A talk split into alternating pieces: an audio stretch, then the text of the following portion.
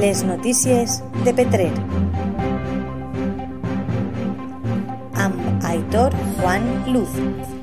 Bona vesprada, amics de la teua ràdio.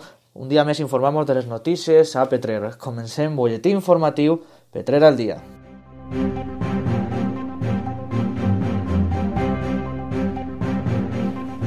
La Turisinfo inaugura l'exposició d'Inteles con Història, que es durà a terme dintre de les seues oficines.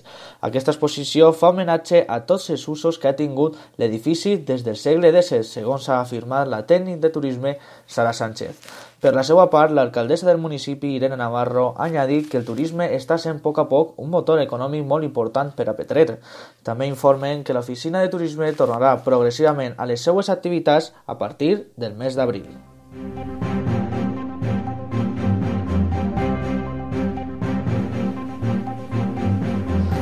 D'altra banda, més de 700 persones s'han inscrit a les proves per tal de cobrir una docena de puestos a la plantilla de l'Ajuntament de Petrer. Segons s'ha explicat el regidor de l'àrea, Ramon Poveda, estem molt satisfets de la gran acollida que aquest, aquestes proves han tingut.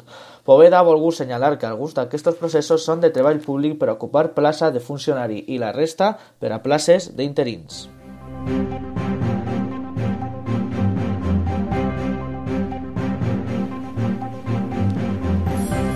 Per acabar, la Mancomunitat i la Federació Valenciana de Municipis i Províncies organitza una jornada centrada a la modernització i promoció de les àrees industrials.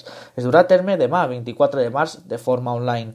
La presidenta de la Mancomunitat i alcaldessa de Petrer, Inene Navarro, ha expressat que els municipis tenen un repte per aconseguir que empreses industrials vinguen a les àrees i oferir-les emplaçament per tal de generar puestos de treball.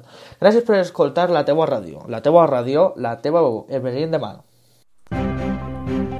Les notícies de Petrer. Amb Aitor Juan Luz.